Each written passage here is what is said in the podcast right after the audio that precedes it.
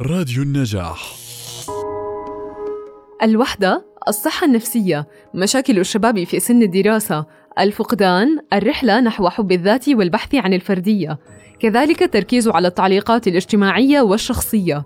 هذه المواضيع التي لامست معجبي فرقة بي تي إس الأشهر حول العالم كما يشير اختصار اسمهم لفتيان ضد الرصاص. تتكون هذه الفرقة الشابة من سبعة أعضاء بلدهم كوريا الجنوبية. أما تأسيسها فكان في سيول في العام 2010 كما حصلوا على العديد من الألقاب أهمها وأبرزها لقب أمراء البوب.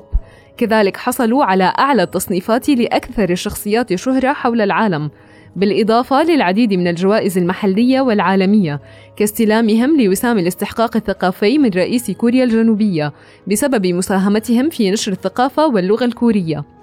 لاقت هذه الفرقة قبولا واسعا حديثا في البلدان العربية بين أوساط الفئات الشابة ولعل السبب الرئيس يعزى لأن الشباب العربي يبحث عن خيط ولو رفيع من الأمل أو الدعم النفسي والحرية الموجه من المحتويات الإعلامية الذي يقابل ما يشاهده من كوارث الحروب والثورات وتغير الأنظمة على مدار سنوات.